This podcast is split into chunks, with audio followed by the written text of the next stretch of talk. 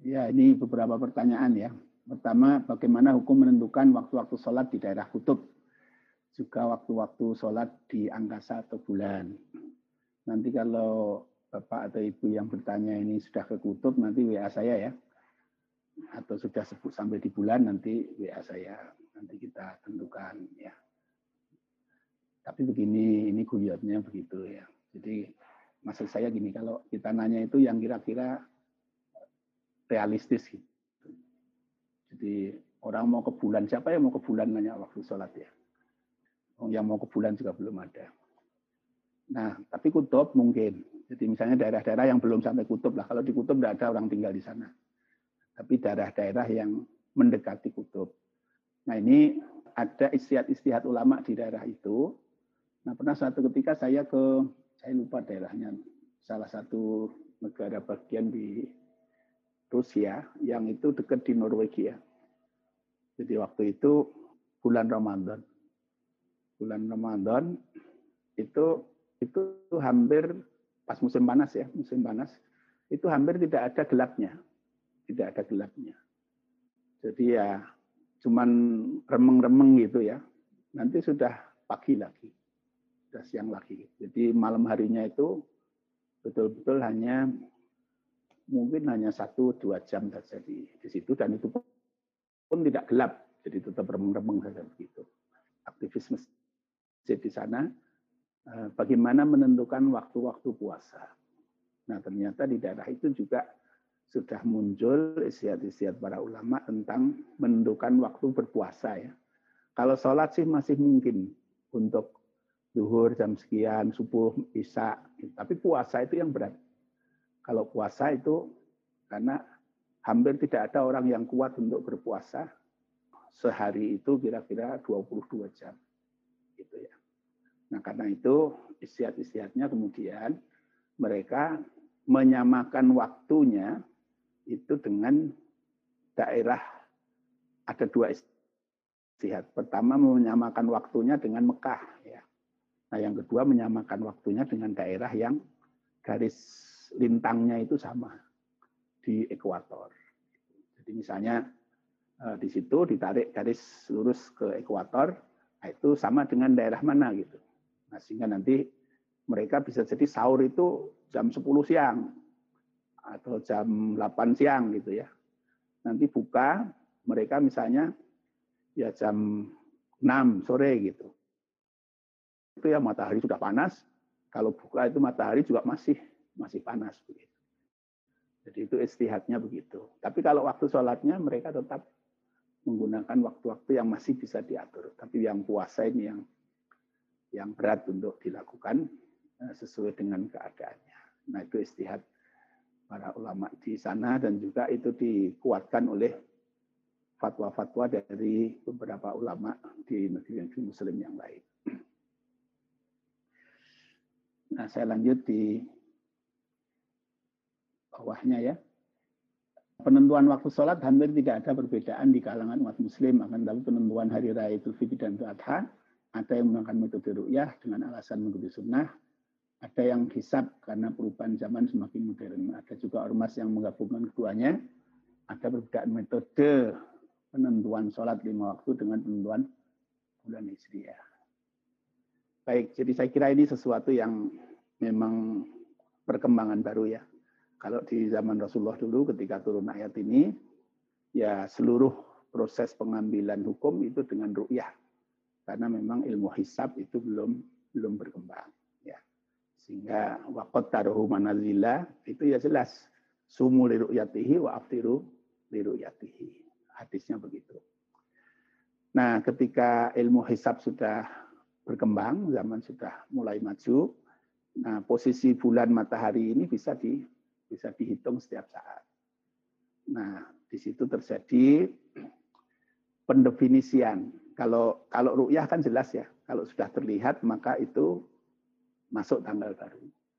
Nah, tapi kalau hisab ini pendefinisiannya ada perbedaan-perbedaan. Yang pertama ada yang mendefinisikan pokoknya kalau pada saat maghrib di suatu tempat bulan posisinya sudah di atas nol derajat, walaupun belum terlihat, maka itu sudah masuk bulan baru gitu. Nah, ada yang mendefinisikan bahwa bulan itu akan terlihat kalau pada saat maghrib tinggi hilalnya sudah di atas dua derajat. Kalau di zaman awal-awal dulu, di ilmu hisab awal itu masih lima derajat. Nah, kemudian kalau perkembangan peralatan-peralatan modern sekarang itu dua derajat dianggap sudah sudah bisa terlihat atau umumnya sudah bisa terlihat. Nah, di situ para ahli hisab juga berbeda menentukannya. Apakah yang disebut tanggal satu itu adalah bulan di atas nol derajat di atas ufuk sana ya di barat sana ataukah bulan sudah bisa terlihat yang itu rata-rata di atas dua derajat begitu. Nah ini yang yang menjadi perbedaan. Nah tapi dengan cara apa pun orang menentukan uh, awal bulan maka ya dipersilahkan. Jadi saya kira ilmu hisab ini juga ilmu yang cukup kuat dasar-dasarnya Nah, cuman pendefinisian tanggal satunya menurut ilmu hisab ini yang merupakan istihad. Nah, istihad itu bisa berbeda-beda. Nah, ada yang mendefinisikan tadi ya, di atas 0 derajat itu disebut sebagai hisab hakiki. Nah, ini sudah masuk. Kalau yang di atas 2 derajat itu artinya dia menggabungkan antara ilmu hisab untuk membantu ru'yah. Jadi walaupun mungkin secara dohir karena misalnya mendung, karena misalnya apa itu bulan belum terlihat. Tetapi kalau menurut hisab sudah di atas dua derajat, maka sudah dianggap masuk ke bulan baru. Nah ini hisab yang yang kompromi dengan dengan ru'yah. Jadi basisnya adalah ru'yah. Tapi hisab itu menjadi alat bantu. Nah saya kira eh, demikian. Nah, kita di dalam hal-hal yang ikhtilaf seperti ini, itu pertama kita boleh memilih yang mana saja dari dua pilihan metode itu. Mau hisab, mau ru'yah, silahkan. Nah, pertimbangan kedua, itu kita menjaga keutuhan umat. Sehingga misalnya di suatu daerah mayoritasnya itu menggunakan hisab, maka sebaiknya Bapak Ibu mengikuti daerah itu. Jadi supaya tidak tidak apa namanya tidak menjadi aneh di tempat itu. Sebaliknya kalau misalnya mayoritas di tempat itu menggunakan ru'yah, maka sebaiknya Bapak Ibu juga mengikuti umumnya masyarakat di tempat itu. Nah, sehingga keutuhan umat ini bisa kita jaga dan kita paham ada perbedaan metodologi yang bisa jadi menimbulkan perbedaan hari. Dan itu sebenarnya tidak tidak setiap saat begitu ya. Nah, tetapi Eh, kadang-kadang kalau terjadi itu menjadi sesuatu yang selalu menjadi bahan pembicaraan di tengah-tengah masyarakat kita. Nah, saya menyarankan begitu. Jadi dari segi pilihan metodenya itu monggo silahkan, tapi dari sisi kemaslahatan umatnya itu menjadi pertimbangan kedua di dalam uh, mengambil pilihan-pilihan. Saya kira demikian.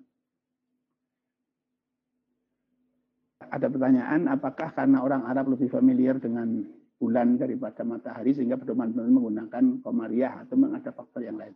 Tidak begitu. Jadi sebenarnya zaman itu yang paling mudah dilihat posisi-posisi perubahannya itu bulan. Jadi bukan hanya orang Arab. Jadi orang mana saja juga. Itu kalau yang paling mudah melihat posisi-posisi perubahan itu ya ya bulan gitu. Nah, karena itu bulan ini menjadi menjadi dasar hitungan di dalam penentuan waktu-waktu syariah ya tentang haji, tentang puasa, tentang hari raya dan lain-lain itu ditentukan berdasarkan bulan ini. Nah, di samping pada waktu itu juga hitungan-hitungan matahari jadi bulan Samsiah ini tidak menentukan ketentuan-ketentuan syariah. Ya. Jadi kita tidak berpuasa Ramadan di bulan Januari, bukan begitu. Jadi kita ini berpuasa Ramadan, menjalankan ibadah haji, menjalankan Idul Fitri itu didasarkan kepada ketentuan bulan Komariah. Ya. Memang begitulah ketentuan syariahnya. Ini bukan karena orang Arab lebih familiar dengan bulan ya, tetapi memang Allah menentukan hitungan-hitungan syariah itu untuk uh, dengan hitungan bulan Komariah. Termasuk misalnya masa idah ya, masa idah itu juga hitungan bulan itu adalah bulan Komariah. Jadi bukan bulan Samsiah. Jadi seluruh ketentuan syariah itu kalau mulai hitungan bulan, hitungan tahun itu dengan menggunakan Komariah. Nah, mana yang lebih dulu ada, apakah perhitungan Komariah atau Masehi? Ya. Jadi kalau eh, saya tidak punya anu ya referensi tentang ini ya. Tapi kalau yang namanya bulan-bulan di Arab itu pada saat Rasulullah diutus itu bulan-bulan itu sudah ada.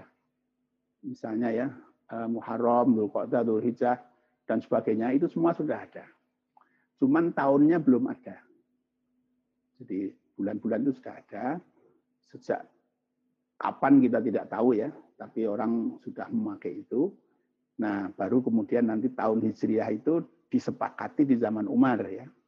Diberi angka tahun ketika pada saat terjadinya hijrah Rasulullah dari Mekah ke Madinah. Nah, hijrah dari Mekah ke Madinah itu bukan satu Muharram ya, tetapi tahun terjadinya hijrah itu kemudian disepakati sebagai tahun satu. Nah, tetapi bulan-bulannya itu sebelumnya sudah sudah ada. Nah, sejak kapannya saya tidak tahu kapannya itu. Nah, kalau tahun Masehi saya juga kurang kurang mendalami masalah ini ya. Mohon maaf.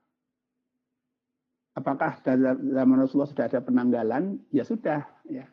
Jadi semua semua peristiwa kayak misalnya wajib untuk berpuasa Ramadan itu kan penanggalan. Yang namanya tanggal satu ada bulan Ramadan ya. Maka wajib puasa gitu. Kalau sudah bulan Syawal masuk sudah kelihatan lagi bulan di sebelah barat, maka dia wajib berhenti berpuasa. Jadi penanggalannya sudah ada. Jadi penanggalannya berdasarkan kepada manazil posisi-posisi dari bulan. Gitu diawali tanggal 1 pada saat pertama kali terlihat bulan di sebelah barat. Baik, saya kira itu beberapa pertanyaan. Mudah-mudahan bermanfaat.